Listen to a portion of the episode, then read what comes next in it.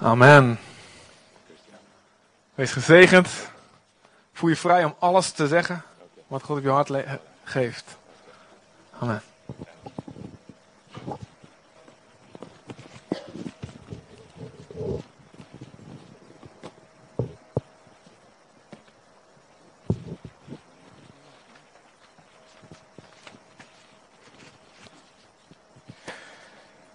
Ik heb heel wat te vertellen.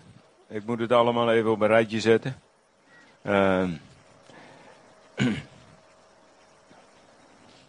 maar eh, ik doe mijn best om op tijd klaar te zijn. Dus maak je geen zorgen dat het, eh, dat het half drie zou worden vanmiddag. Dat zal het zeker wel worden, maar dan zijn wij hier weg waarschijnlijk. Ja. Oké. Ehm, ik ben Bart Doornweert. Ik eh, woon in Ede. Ben getrouwd. Ik heb eh, vier kinderen. Drie zijn het huis al uit. Eén woont nog bij ons thuis. Ehm, en ik ben eh, ja, een reizend predikant, zeg maar. Door heel Nederland heen. En soms ga ik naar het buitenland. En ik heb heel veel contacten in India. En veel, ik krijg veel bezoek uit India. Ik heb daar in het verleden zelf gewoond met mijn vrouw en kinderen. En mijn kantoor is eigenlijk een stukje India's grondgebied. Als ik eh, mijn kantoor binnenstap, dan eh, loop ik zo India binnen. Alle foto's die getuigen over India, een rode landkaart van India. Er zijn honderden foto's van mensen in India die ik eh, niet allemaal persoonlijk ken, maar waar we wel allemaal een band mee hebben die we allemaal van ons kantoor uit ondersteunen. En ik verwelkom daar ook Indiërs. Vanmorgen was ik even met een broeder daar uit Calcutta. Die gaat bij ons in de gemeente in Ede iets vertellen. En ik zeg tegen hem toen ik de deur opendeed, welkom in India. Als ik de computer aanzet, dan komt India mij tegemoet van alle kanten. Zo, dat zijn zo mijn bezigheden. Eén been in Nederland, één been in India. In 1985 was voor ons een nieuwe fase eh, toen ik op Heidelberg werkte met betrekking tot het werk van de Heilige Geest. Dat was een beetje sluimerend geworden in de loop van de jaren, hoewel ik tot geloof kwam in een omgeving van vernieuwende werk van de Heilige Geest. 1967. Eh, op een boerderij, in een, eh, in een schuur, waar de kippen net uit waren en toen gingen wij erin. En eh, daar zongen we liederen uit de combibundel. Jan de Heer en glorieklokken met een gitaar. We lazen de Bijbel en we geloofden in het werk van de Heilige Geest. Het was een totale vernieuwing voor ons. En we baden voor elkaar, mensen spraken in tongen, gingen profeteren enzovoort. Dat ging wat sluimeren in de loop van de jaren. We liepen tegen dingen aan waar we niet goed uitkwamen. Maar in 1985 was ik uh, zo gefrustreerd dat ik zei: Heer, maar zo kan het niet langer. Er moet meer zijn van u uh, als ik de Bijbel lees en als ik dat vergelijk met wat wij meemaken. Dat luidde een nieuwe fase in. We hebben vanaf die tijd heel veel geleerd over het werk van de Heilige Geest. In 1991 begonnen we met een cursus. Uh, om een groep mensen bij elkaar te halen voor een dag of vijf. En samen bezig te zijn met lofprijs en aanbidding. Met het woord van God en met ruimte voor de Heilige Geest. Die cursus, ik dacht dat doen we één keer. Maar dat is uh, uh, een beetje uit de hand gelopen. Toen was het, ging het zo goed die eerste keer. Toen dachten we, moeten we nog een keer doen. En toen deden we het een tweede keer en een derde keer. En ik weet niet hoe vaak we het nu ondertussen gedaan hebben. Maar we zijn in ieder geval uh, heel wat jaren verder, vanaf 1991 tot 19, uh, waar zitten we nu, 2009. Ongeveer 17, 18 jaar, drie, vier cursussen per jaar. Ik weet niet hoeveel honderden of duizenden mensen er geweest zijn. Maar dit jaar gaan we opnieuw nog maar eens weer een paar van die cursussen houden. Uh, het verveelt nooit, het is altijd weer nieuw. Wie van jullie is wel eens in zo'n cursus geweest? Oké, okay. een heel stel. Kunnen er even drie opstaan die iets zeggen over wat die cursus voor je betekend heeft? Heb je er wat aan gehad? Oké, laat er even twee of drie op staan. Op de plaats waar je bent, noem het even uh, wat de cursus voor je betekende.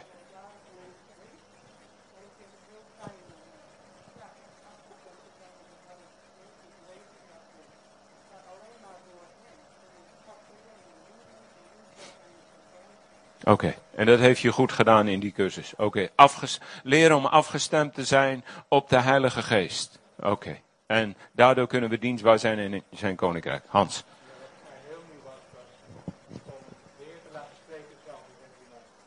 Oké. Okay. De Heer laten spreken en ze nu en dan zelf eens je mond houden. Ja. Oké, okay, dankjewel. Nog?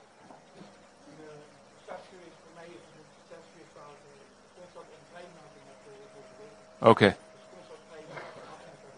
Dankjewel. Een proces van verdere vernieuwing en vrijmaking door de Heilige Geest. Nog iemand?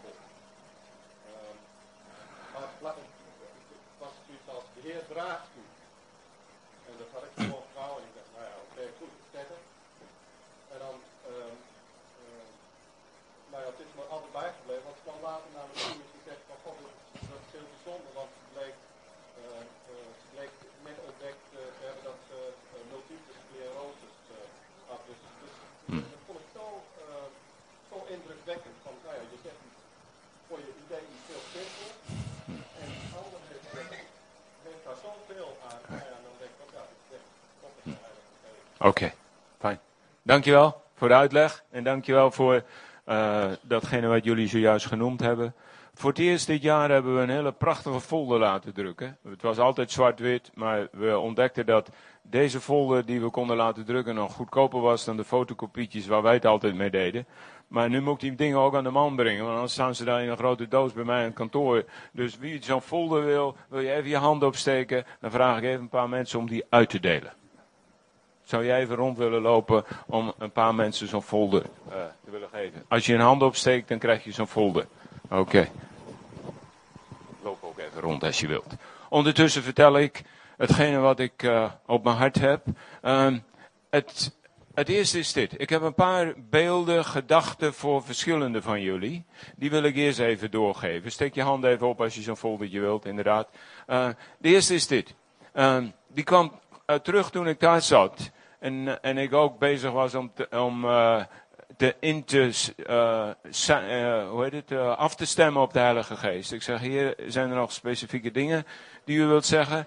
Toen dacht ik terug aan gisteravond. Toen zat ik even tv te kijken. Dat doe ik zelden, maar ik had een Indiase broeder op bezoek. Dus we keken even naar de BBC er was een natuurprogramma op. En daar zag je met van die nachtcamera's dat ze opnames gemaakt hadden van uh, kuddes olifanten. En die uh, waren op een, drink, op een plaats waar ze konden drinken samen met leeuwen. Nou, dat zijn geen grote vrienden, olifanten en leeuwen, maar ze waren gedwongen om daar samen te zijn, zodat ze samen konden drinken. Nu was het zo dat die leeuwen zo hongerig waren dat ze het gemunt hadden op die kleine olifantjes. En met die camera zag je dat die grote olifanten allemaal om die kleintjes heen stonden. En die leeuwen maakten geen kans. Ik vond een prachtig beeld van zulke kleine olifantjes. Daar wilden ze naartoe, maar die grote olifanten stonden daar als een sterke muur. Dat was één beeld wat ik net zag. Dat past ook voor ons als gemeente. Uh, de duivel als een brullende leeuw op zoek om te verslinden, gaat altijd voor de zwakken en voor de kwetsbaren. Toen zag ik een tweede beeld met die camera's en dat verbaasde me. Er was een hele grote olifant, maar die stond helemaal alleen. Om de een of andere reden was hij buiten de kudde geraakt en die leeuwen die durfden het aan om die olifant aan te pakken. Die leeuwen, dat leek helemaal niks. Ze moesten hoog springen om zo halverwege uh, op die olifant te komen met hun klauwen en met hun uh, bek. Ik denk, als die olifant even schudt, dan schudt hij ze zo af. Want het waren net zulke vliegen die erop zaten. Uh, maar ze bleven komen, die leeuwen. En je zag dat met die camera. Op een gegeven moment was de camera die leeuw uit het oog verloren. Maar later pikte die camera het weer op. En die grote olifant lag daar op de grond met al die leeuwen erbovenop. En die vraten zich helemaal vol. Ik geloof dat de Heer tegen sommigen van jullie wil zeggen. Uh, zoek het niet alleen.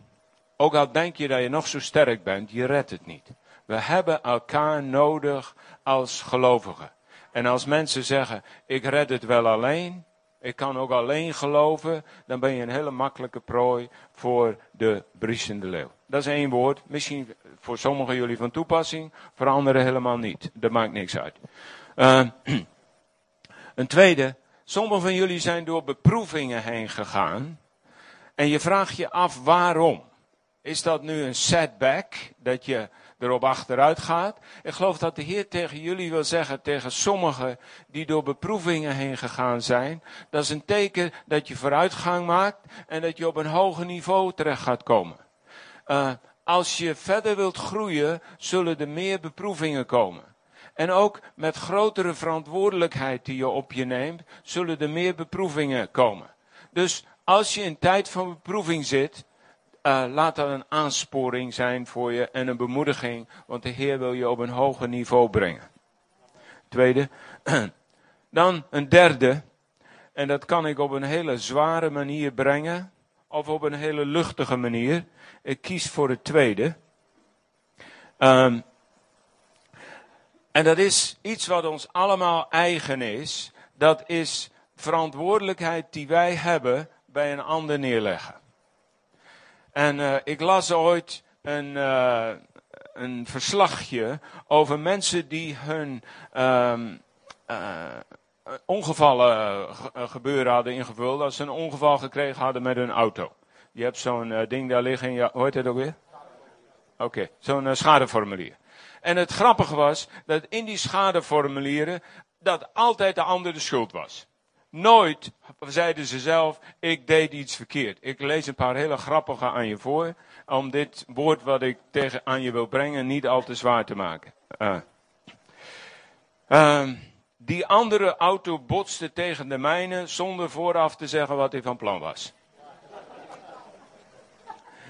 Uh, ik botste, en sommigen zijn ook misschien vergissingje, maakt niet uit. Ik botste tegen een stilstaand voertuig dat van de andere kant kwam. Een voetganger raakte me en verdween onder mijn auto. Dit zijn allemaal verschillende natuurlijk. Uh, dit zijn de beste die ze konden vinden. Die vent slingerde over de hele weg. Ik moest een aantal keren zwenken voordat ik hem raakte. In een poging om een vlieg te doden reed ik tegen een telefoonpaal. Ik reed al 40 jaar toen ik achter het stuur in slaap viel en een ongeluk kreeg. Oké, okay. en toen ik een kruising naderde, dook er opeens een stopbord op. Op een plaats waar geen stopbord ooit was opgedoken. Ik kon niet tijdig stoppen en ik kon een ongeluk niet voorkomen. Mijn, volgende. Mijn auto stond legaal geparkeerd toen hij achteruit tegen dat andere voertuig aanreed. Oké. En nog meer, maar dat doen we volgende keer. Ik wil zeggen tegen sommigen van jullie, en misschien geldt dit alleen maar voor één of twee. Uh, neem zelf de verantwoordelijkheid die jij hebt en leg die niet bij een ander.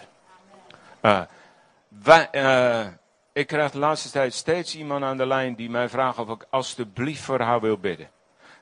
Het blijkt dat zij nog tientallen anderen belt met dezelfde vraag door het hele land heen. Ik zeg, je moet zelf je verantwoordelijkheid nemen en zelf die autoriteit nemen die Jezus jou gegeven heeft. Wij moeten dat soms horen. We hebben elkaar nodig, ja, maar er is ook een tijd dat we zeggen, ik moet hiervoor mijn eigen verantwoordelijkheid nemen. En misschien is dat van toepassing voor sommigen.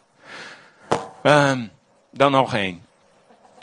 Um, ik reed hier naartoe onderweg. En ik geniet daarvan op zondagmorgen. Zondagmorgen geen files, geen opstoppingen. Bijna alle verkeerslichten staan op groen. Wauw. Het is helemaal geweldig om dan in de auto te zitten en te bidden en uh, naar een muziekje te luisteren enzovoort. Ik reed uh, op de weg hier naartoe vanaf uh, Arnhem en ik keek in de wei en daar zag ik van, die, van het jonge vee wat net in de wei uitgelaten was. En die waren inderdaad helemaal uitgelaten, die sprongen en die huppelden. Uh, die hadden waarschijnlijk de hele winter vastgezeten en werden nu in de wei. Uh, en die werden nu in de wei gelaten. En dat deed me denken aan het woord in Malachi. In Malachi. Malachi 4, vers 2. En dit is ook iets waar wij straks bij stilstaan als we een tijd van gebed nemen. Even kijken, Malachi 4, vers 2. Een bekend woord. Hier staat het, Malachi 4. Maar voor u die mijn naam vreest, zal de zon der gerechtigheid opgaan en er zal genezing zijn onder haar vleugelen. En gij zult uitgaan en springen als kalveren uit de stal. En gij zult de goddelozen vertreden, want tot stof zullen zij onder uw voetzolen zijn op de dag die ik bereiden zal. En die goddelozen, dat zijn in het Nieuwe Testament zijn uh, de demonen en de machten van de hel. Uh, slangen en schorpioenen zullen we treden. In dit gedeelte staat dat we genezing zullen vinden onder de vleugels van God. In het Oude Testament wordt het nog alles gezegd, de vleugels van God. Maar ook in het Nieuwe Testament zegt de Heer Jezus, als hij weent over Jeruzalem, hoe vaak heb ik niet uh, verlangd om jullie als uh, kuikens bij elkaar te halen onder mijn vleugels. God geeft aan, door een beeld wat we uit de natuur kennen, hoe groot zijn verlangen is om ons onder zijn vleugels heel dicht bij hem te hebben. We noemen dat intimiteit. Uh, in de eerste plaats zijn we geroepen om intimiteit te hebben met God. Onder die vleugels van God, daar worden we stil, daar komen we helemaal tot rust, daar voelen we ons totaal veilig, er is geen dreiging meer. Uh, en als we onder die vleugels zijn, staat het, daar vinden we genezing. Uh, en dan staat er vervolgens, uh, en er zal genezing zijn onder jouw vleugelen. En je zult uitgaan. Het eerste heet ingaan. Binnenkomen. Dat kun je met één woord samenvatten. Kom. Dat zegt God. Dat zegt Jezus. Kom tot mij allen die vermoeid en belast zijn. Kom als je dorst hebt. We moeten eerst komen. En dan staat er, vervolgens zul je uitgaan. Dan kun je in één woordje samenvatten. Ga. Kom tot een plek van intimiteit. En ga in een plaats van autoriteit. En daar staat uh, dat je zult springen als kalver in de wei. En dat je je tegenstanders zult vertreden. Wij noemen dat autoriteit. Twee woorden. Kom en ga. En nog twee woorden. Van intimiteit naar autoriteit. We moeten beide kennen. Dus een tijd van tot rust komen en genezen worden, hersteld worden, bevrijd worden. En er is een tijd om uit te gaan in autoriteit. Oké. Okay. Daar gaan we straks dan bij stilstaan. Want ik denk dat er een tijd is voor ons om onder die vleugels van de Allerhoogste te komen. En daar genezing te vinden. En dan moeten we herhaaldelijk komen. Mijn woord voor deze morgen. Um, dat heeft te maken met eh, iets waar we elke dag mee te maken, uh, waar we elke dag uh, zelf gebruik van maken. En dat is onze mond. Onze lippen, onze stembanden de kracht daarvan om te herstellen, om te genezen, om te bemoedigen en de kracht van die mond om te vernietigen. Jaren geleden las ik een artikeltje in de krant en dat trok mijn aandacht. Ik denk, nee toch. En dat ging over het volgende. Er waren een aantal Russische geleerden die een experiment gedaan hadden met water. Ze hadden twee glazen water genomen. Ja, hoe je zoiets verzint, ik zou het niet weten. Maar ze deden het volgende. Eén glas, daar deden ze verder niks mee. En met het andere glas water, daar stonden ze urenlang tegen te schreeuwen en te schelden en te vloeken. Daarna gaven ze met dit water, gaven, gaven ze aan de bloemen.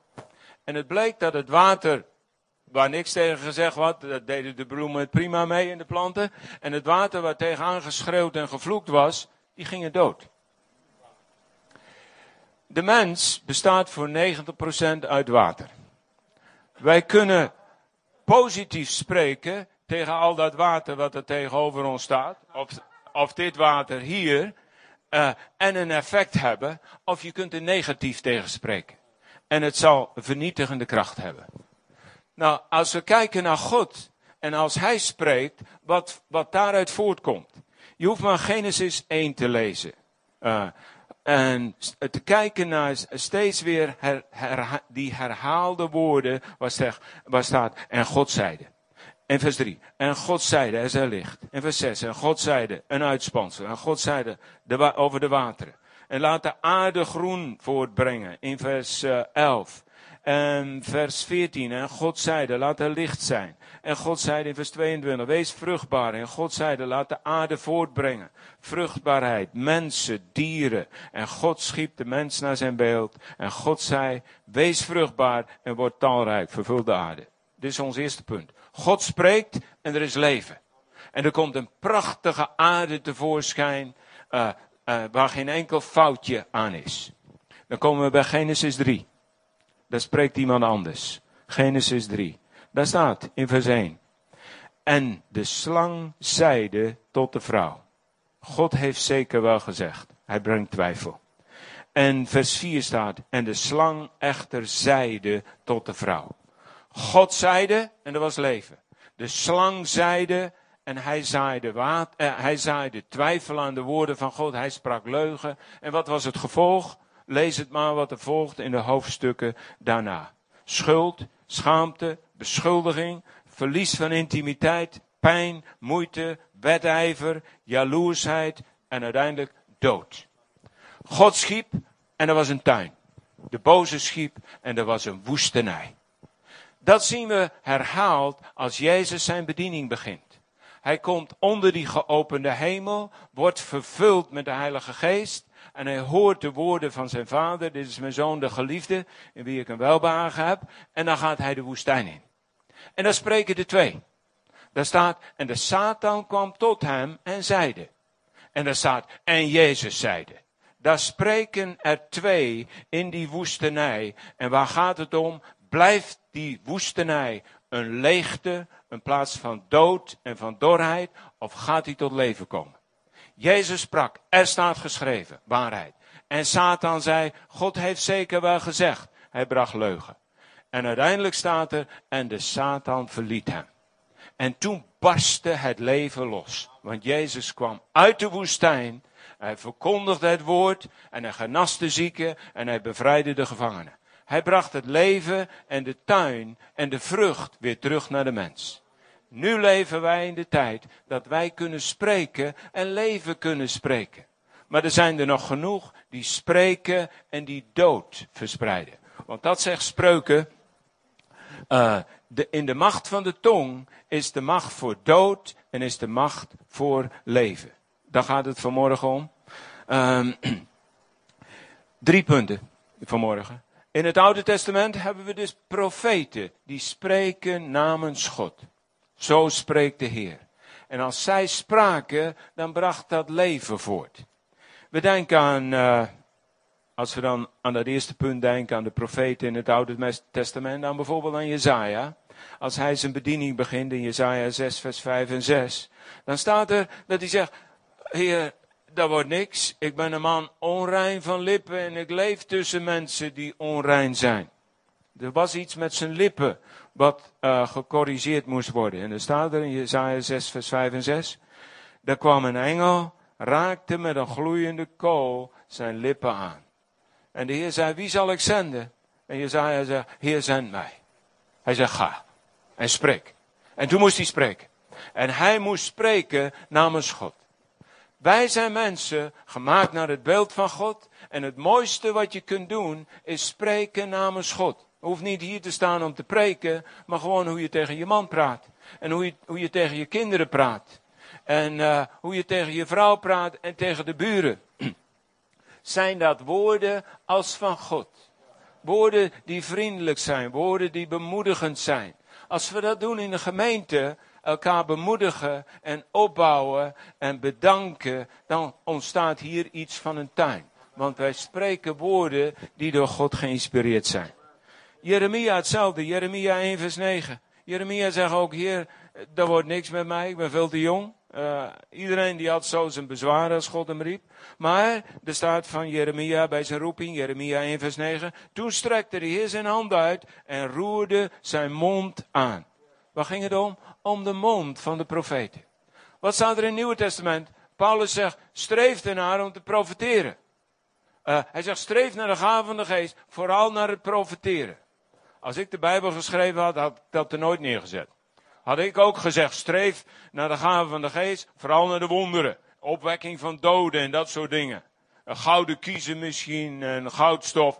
Eh, nee, Paulus zegt, vooral naar het profeteren. Het mooiste wat je kunt doen, is spreken namens God. Maar daar hoef je niet eens voor te profiteren. Dat, kun je gewoon al, dat, dat doe je elke dag al. Dus laten de woorden van onze mond hem wel gevallig zijn. Met onze, met onze woorden kunnen we genezen, maar onze woorden kunnen ook zijn, zegt spreuken, als een dol, als dolk steken. En we hebben dat allemaal aan de lijve ondervonden. Onlangs uh, sprak ik met iemand die jarenlang vastgezet was door een uitspraak van haar moeder. Die had tegen haar zei, en nu was ze een volwassen vrouw, jij kunt niet met kinderen omgaan. Dat had haar helemaal geblokkeerd. En ze had juist een verlangen om met kinderen te werken. Maar dat hing nog steeds boven haar hoofd. Die woorden, die waren als een vloek geworden. En die hadden haar geblokkeerd. Die woorden moesten gebroken worden. Maar zo zijn er allemaal dingen over ons uitgesproken die niet waar waren en die, uh, uh, die, die hersteld moeten worden. In nummer 11 lees een mooi verhaal over Mozes, de profeet die namens God spreekt. En de profeet, dat werkt als dus, die luistert en vervolgens vertelt hij wat hij gezegd heeft. Zo simpel is eigenlijk profeteren. Leren luisteren en vervolgens spreken.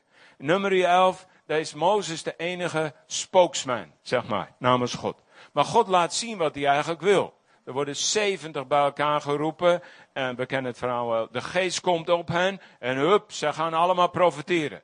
Maar er waren twee, die waren niet in de bijeenkomst. Die zaten in, in het legerkamp. Hup, de Heilige Geest komt ook op hun. Wat deden ze? Ze profiteerden ook. Jozua zegt, dat klopt, dat gaat niet goed. Dat klopt niet. Dus hij wilde terugdraaien. En dan komt hij bij Mozes en dan zegt hij, uh, hier zijn er 70, daarbuiten waren er nog twee, die willen we eigenlijk maar stoppen om te spreken. Maar dan zegt Mozes deze fantastische woorden. En dan zie je het hart van Mozes in nummer 11 vers 29. Daar zegt Mozes, en hij, hij keek vooruit. Hij zag wat uh, God op zijn hart gelegd had. Hij zegt, ach man, waar heb je het over Jozua? Ik wou dat het hele volk des heren profeten waren. Dat was de visie van God. 70 plus 2, dat is eigenlijk al doortellen. 70 afgerond getal plus 2. Gods bedoeling was eigenlijk, nee, dit moet gewoon doorgaan totdat het hele volk van God profeten zullen zijn. En dat is ook wat de profeet Joel zegt. Hij zegt, uh, de geest van God zal op mensen zijn en ze zullen profeteren. Ze zullen gezichten zien. Ze zullen spreken namens God. Dat is ons eerste punt. Tweede punt. In de bediening van Jezus daar zien we die wonderen en tekenen. Daar, zien we, horen we zijn spreken. Um, maar Jezus was het woord van God. Wat hij zei en wat hij deed was het levende woord van God. Hij zond zijn woord, staat er in de psalmen, en hij genas hen. Uh, wat zien we over die woorden van Jezus? Eerste punt, profeten. Tweede punt, de woorden van Jezus. Wat trok mensen aan? Waarom had hij nooit geen probleem om mensen in zijn bijeenkomsten te krijgen? Als je Lucas leest, dan lees je dat de mensen voor twee redenen kwamen. Ze kwamen om zijn woorden te horen. En er staat, ze kwamen om genezen te worden van hun ziektes. Twee goede redenen voor mensen om naar de kerk te komen. Om iets te horen wat ze ergens anders nooit horen. Goed nieuws, positief nieuws. En om van hun ellende af te komen. Van hun ziektes, van hun gebondenheden van hun troep. Twee redenen in ieder geval. Maar iets over de woorden van Jezus. Zoals we al gezegd hebben, in de woestijn stonden die twee tegenover elkaar. En Jezus sprak. Of hij antwoordde. Hij zeide.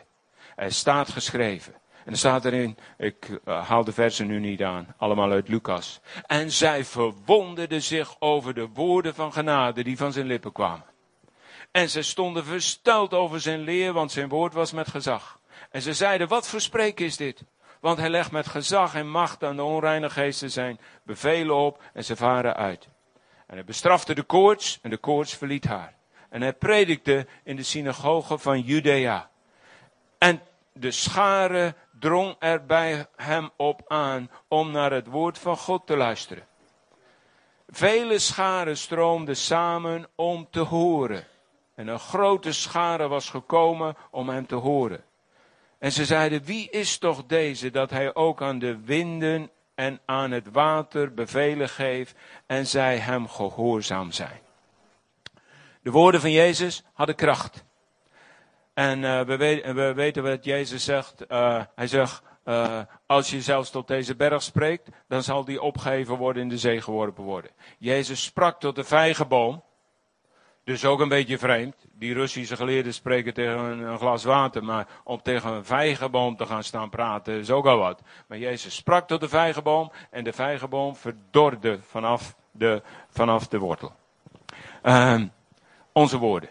Eerste punt. De profeten, ze spraken namens God. Tweede punt. Jezus, als het volmaakte woord van God, sprak datgene wat God wilde zeggen. En Jezus zegt, wie mij heeft gezien, en misschien ook wie mij heeft gehoord, die heeft de, die heeft de Vader gezien. En die heeft de Vader gehoord. God wil spreken. Um, hoe werkt dat hier uh, door ons heen? um, dan gaan we kijken naar het boek Handelingen. Want daar komt de geest van God op mensen. Net als in nummer 11. En de geest van God komt op mensen. En dan zien we een steeds terugkerend iets. Zodra de geest van God op mensen komt, dan gebeurt er wat met hun mond en met hun lippen. Ze gaan praten. Uh, in Handelingen 2 staat, en ze werden alle vervuld met de Heilige Geest. En zij spraken in andere tongen. Vervulling met de Heilige Geest, gevolg daarvan, ze spraken. Uh, Handelingen 2 vers 14. Uh, en Petrus stond op vervuld met de Heilige Geest, en hij verhief zijn stem. Hij sprak met autoriteit, en het eind van het verhaal was, ze werden allen diep in hun hart getroffen. Dat is gezalfde prediking. Gezalfde prediking is niet, ze werden allen in hun verstand overtuigd dat hij gelijk had, een paar puntjes waar ze moeite mee hadden. Nee, bang. Ze werden allemaal diep in hun hart geraakt, en ze zeiden, wat moeten we doen? En Peter zegt, niet moeilijk, drie dingen. Uh, berouw, uh, laat je dopen en je zult ook de gave van de Heilige Geest ontvangen. Uh, 2 vers 11. Ze werden vervuld met de Heilige Geest en ze spraken van de grote daden Gods. En in Handelingen 4 vers 20 zeggen ze, uh, ze moesten hun mond houden. En dat werd hun verteld, anders dan, dan zwaaide er wat. Ze zeiden, sorry, maar we kunnen niet nalaten om te spreken van wat we gezien en gehoord hebben. Die mannen, die mensen, die waren niet te stoppen. In Handelingen 4 vers 31 staat, ze werden alle vervuld met de Heilige Geest. En wat gebeurde er? En zij spraken het woord van God met vrijmoedigheid. Ze werden vervuld met de Heilige Geest en ze leerden en verkondigden het evangelie. En in Handelingen 6, het verhaal van Stefanus, die was zo vol van de Heilige Geest. Er staat vier of vijf keer dat hij vol was. Als dat nou niet genoeg geweest om dat één keer te zeggen. Bijbel herhaalt soms dingen als ze heel belangrijk zijn. Vier of vijf keer staat er dat Stefanus vol was. Nou, dat zag je ook. Zijn gezicht glansde als het gezicht van een engel. Maar wat hij sprak, de meest fantastische preek daar in Handelingen 7, toespraak van Stefanus. En hij sprak met grote wijsheid. En ze konden er niets tegen inbrengen. En het raakte hun diep, het sneed hun door het hart, staat er. Resultaat van de preek van Petrus, 3000 mensen bekeerd. Het raakte in hun hart. Resultaat van Stefanus, die preekte ook en het sneed hun in hun hart. Zijn hoofd ging eraf. Hij werd doodgegooid. Dus het resultaat wil niet altijd zeggen dat het resultaat van de prediking uh, succesvol zal zijn. De toehoorders kunnen soms ook anders reageren dan je gehoopt had. Maar dit is ons punt. Uh, vervuld worden met de Heilige Geest en spreken. Kijk maar verder, Handelingen 10, daar worden uh, die uh, soldaten gevuld met de Heilige Geest. Uh, terwijl Petrus nog sprak. de Heilige Geest was ongeduldig. Er staat, terwijl Petrus nog sprak, zei de Heilige Geest eigenlijk tegen Petrus, klaar, stil zijn, nu ik. En viel de Heilige Geest op allen. en wat gebeurde er? Ze spraken in tongen en ze maakten God groot. Handelingen 19 worden groep mannen handen opgelegd. Ze worden vervuld met de Heilige Geest. Wat gebeurt er? Er staat, ze spraken in tongen en profeteerde. Ik moet het allemaal een beetje snel doen, anders zouden we wat langer bij stilstaan. Maar dit is het principe. Vol worden van de Heilige Geest en spreken. Hoe kun je goed gaan spreken namens God? Zorg dat je helemaal overstroomt van de Heilige Geest. Want Jacobus zegt, Het lijkt of er twee bronnen in ons zitten. Een bron van zoet water, maar ook nog een bron van bitter water. Dat we soms dingen zeggen waarvan we weten, die hadden we eigenlijk niet moeten zeggen. Uh, het resultaat van al dit, wat er gebeurt in handelingen, wordt hier en daar opgesomd. Doordat, de, uh, doordat Lucas even stopt en zegt, en dan zegt hij dit. En het woord des Heren verbreidde zich en werd sterker. En het woord des Heren uh, verbreidde zich. Hoe gebeurde dat? De geest van God kwam op mensen en ze begonnen te spreken. Ja, wat spraken ze? Uh, op allerlei manieren spraken ze. Ze spraken in andere talen. Ze predikten. Er was onderwijs. Er was getuigenis. Er was lofprijs. Er was zingen. Er was jubelen. Er was profeteren. Spreken met wijsheid. En spreken met autoriteit. En dat kwam allemaal hier vandaan. Ze spraken en er was autoriteit. Ze werden vervuld en zij spraken. En Paulus schrijft aan de Efeziërs. Hij zegt, word vervuld met de Heilige Geest. En hij weet al wat het gevolg zal zijn en spreekt onder elkander. In psalmen, lofzangen en geestelijke liederen. En zingt en jubelt de Heere van harte. Uh, vervuld worden met de Heilige Geest heeft een uitwerking. En vooral hier. Als je wilt weten of iemand vol is van de Heilige Geest, dan zou je eens een paar uur of een dag met hem mee moeten lopen. Of het even opnemen en het uh, later even weer terugspelen naar de persoon. Uh, waar het hart vol van is, zegt Jezus, daarvan spreekt de mond. Als, jij, uh, als jullie willen weten of ik vol ben van de Heilige Geest, dan hoef je nog niet eens af te meten aan deze preek, maar dan moet je bij mijn vrouw zijn. Of bij mijn kinderen. En zij zullen je haarfijn kunnen vertellen waar ik het goed doe en waar ik nog wat verbetering nodig heb. En zij corrigeren mij als het nodig is. Ik ben daar open voor. Als ik gepreekt heb bij ons in de gemeente, dan zeg ik, uh, nou, wat vond je goed en waar moet ik verbeteren? En dan zeggen ze, nou, daar en daar, daar schort er nog wel wat aan. Je ging veel te lang door. En uh, mensen, je was de mensen lang kwijt. Ik denk, dankjewel. Volgende keer probeer ik mijn best te doen om het beter te doen. En daarom ga ik er nu ook een punt achter zetten, hoewel ik nog heel wat had willen vertellen, maar daar is nu de gelegenheid niet voor. Praktische punten. We weten allemaal dat we woorden spreken van leven. Soms is het beter om te zwijgen dan te spreken. Soms lees je in de evangelie het merkwaardige dat Jezus een groot wonder doet en dan zegt hij, en tegen niemand er wat over zeggen. Dan denk je, nee toch.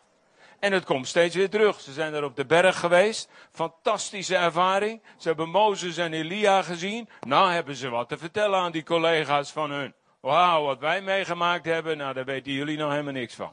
En Jezus zegt toen ze teruggingen, en tegen niemand er wat over zeggen. Totdat. Dode wordt opgewekt. Wat zegt hij tegen de mensen die erbij waren? En tegen niemand er wat over zeggen. Een uh, doofstomme wordt genezen. Dan mocht, kon die man eindelijk praten. Wat zegt hij tegen hem? En tegen niemand er wat over zeggen. Niet dat hij luisterde, want hij zegt, hoe meer hij hem verteld werd, des te meer sprak hij erover. Uh, Oké, dus een tijd om te zwijgen, dus een tijd om te spreken. En als ze spreken, laten het woorden zijn die waardevol zijn. Uh, welke punten? Praktisch een paar puntjes.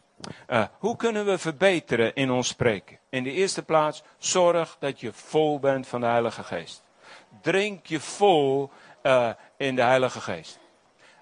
Veertig jaar geleden kwam ik tot geloof. Ik werd vervuld met de Heilige Geest. Daarvoor vloekte ik. Daarna heb ik niet weer gevloekt. Die woorden konden niet meer uit mijn mond komen.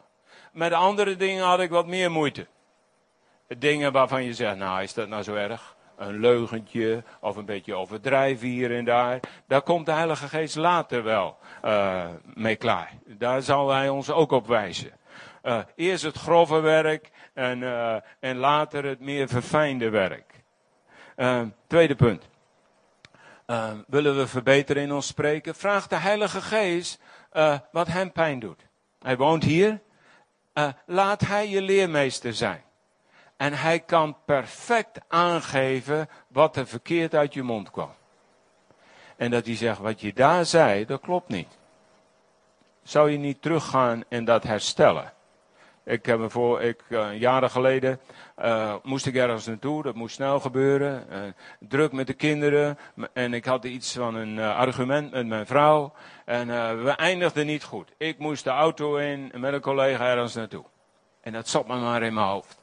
En toen had je nog geen mobiele telefoon. Dus onderweg stoppen bij een, bij een benzinestation. Ik zeg, mag ik hier even bellen? En ik heb mijn verontschuldigingen aangeboden tegen, tegen mijn vrouw. Nou, ik had niet meer punten kunnen scoren bij haar. Dat weet ze nu nog. Maar voor mijzelf ook viel er een last van mij af.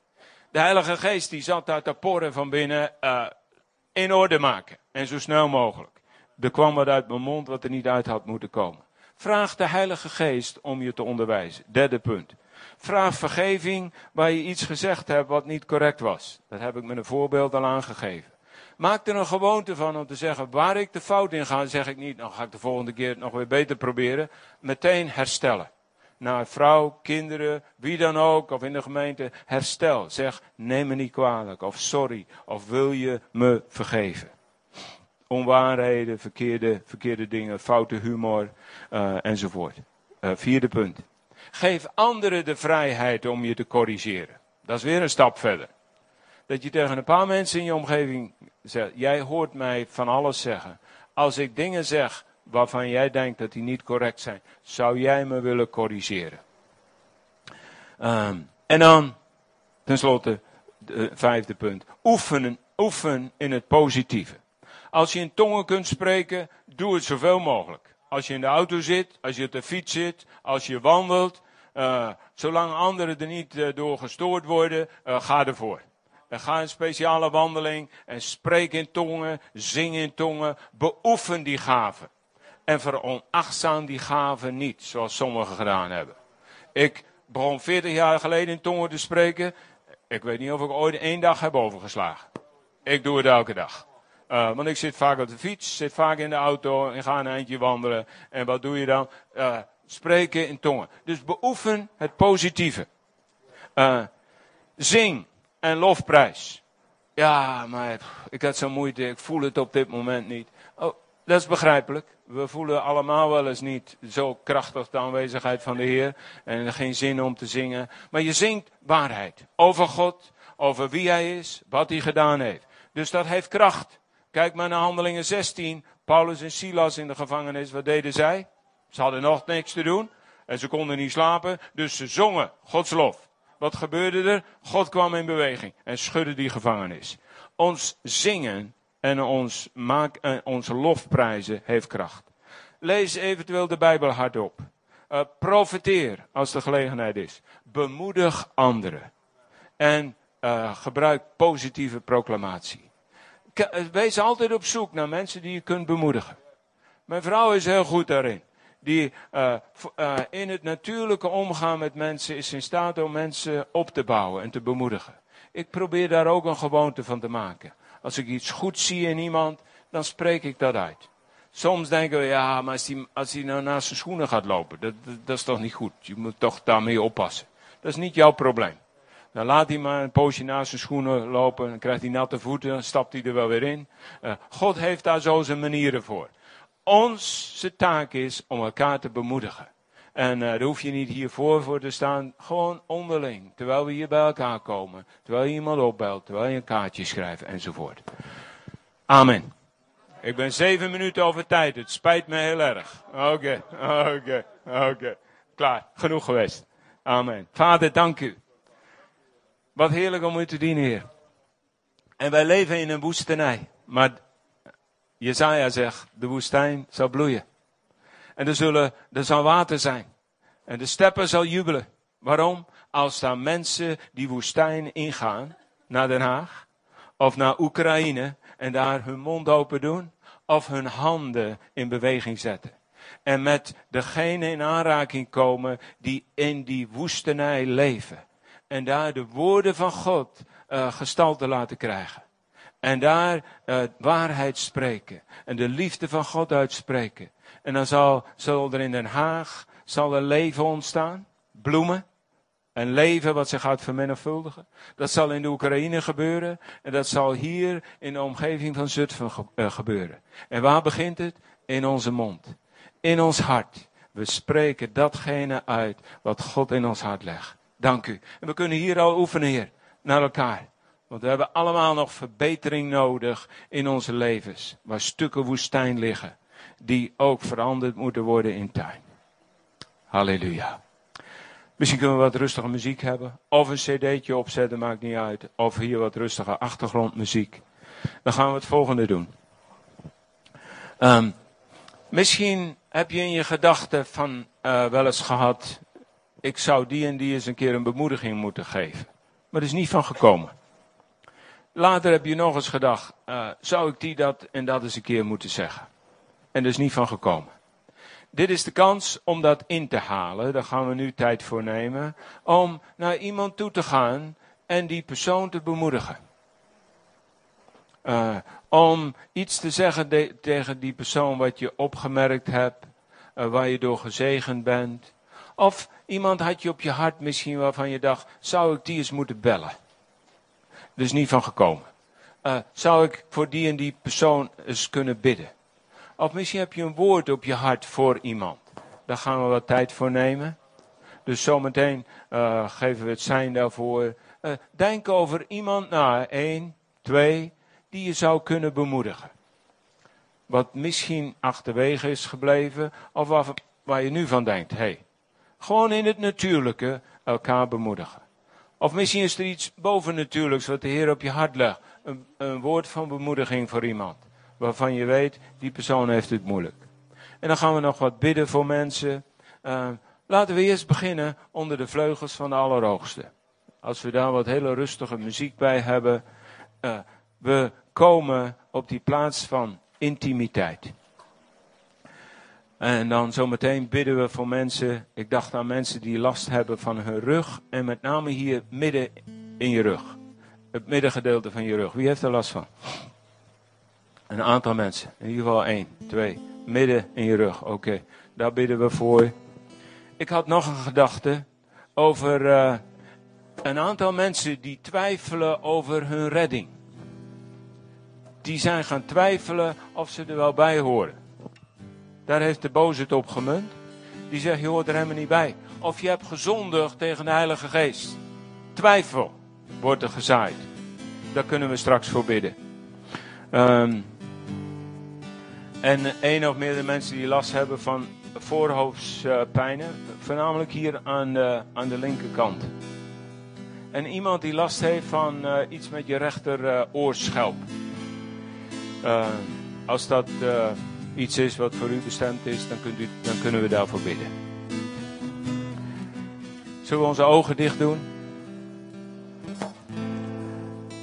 En zullen we ingaan op de uitnodiging van Jezus? Hoe dikwijls heb ik jullie niet bij elkaar willen halen als een hen haar kuikens. We kunnen hem niet meer plezier doen dan op die uitnodiging in te gaan.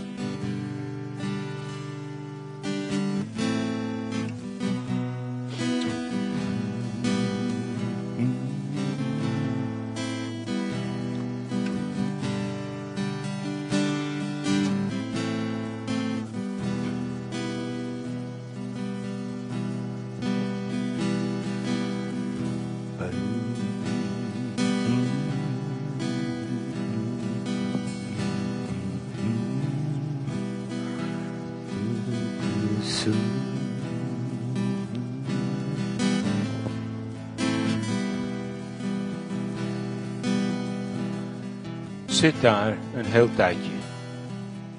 Zouden we elke dag moeten doen? Zitten aan de voeten van Jezus. Wachten op de Heer. Onder de vleugels van de Allerhoogste.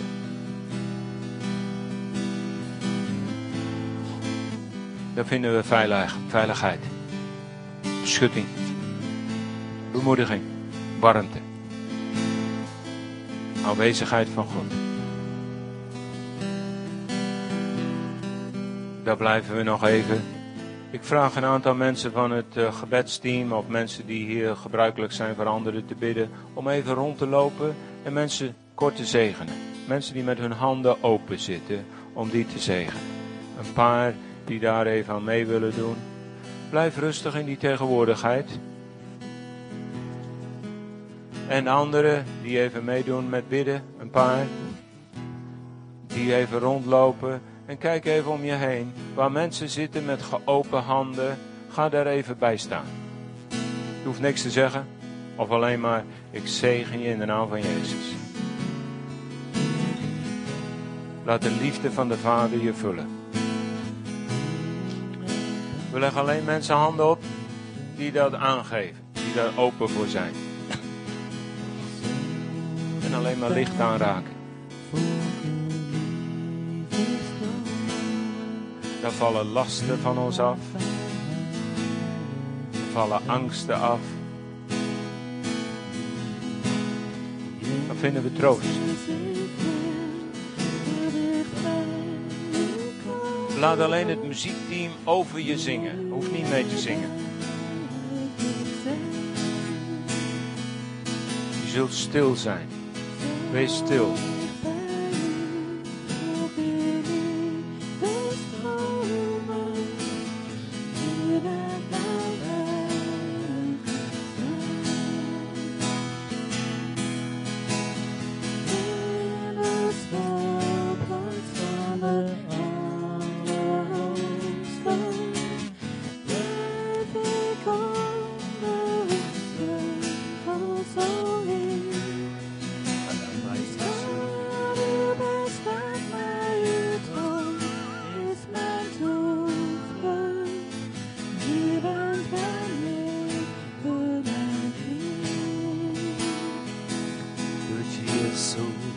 La la la la, la.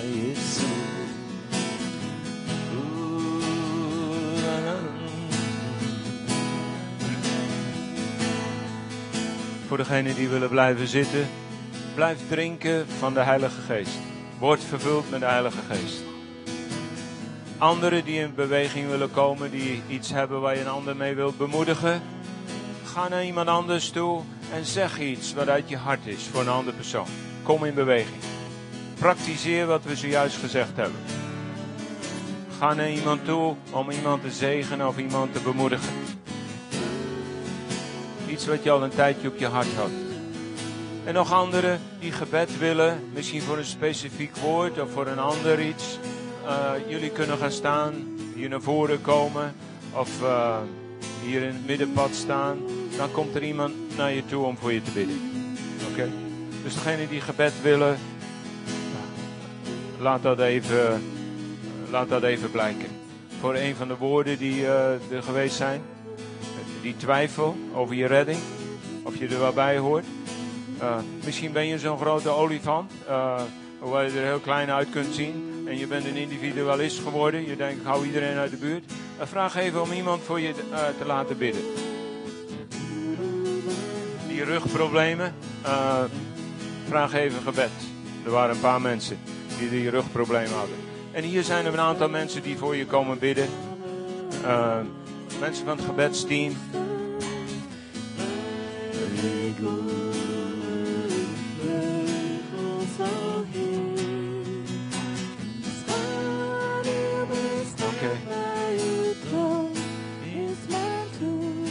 Laten de woorden van je mond hem welgevallig zijn. Kijk of je iemand mag bemoedigen met je woorden. Of je een woord hebt wat de Heer op je hart legt voor iemand. Oké, kom in beweging. Kom in beweging. En jullie willen graag gebed. Kom deze kant op. Als er nog anderen bij willen komen. Er zijn dingen waar je gebed voor wilt. Kom in beweging.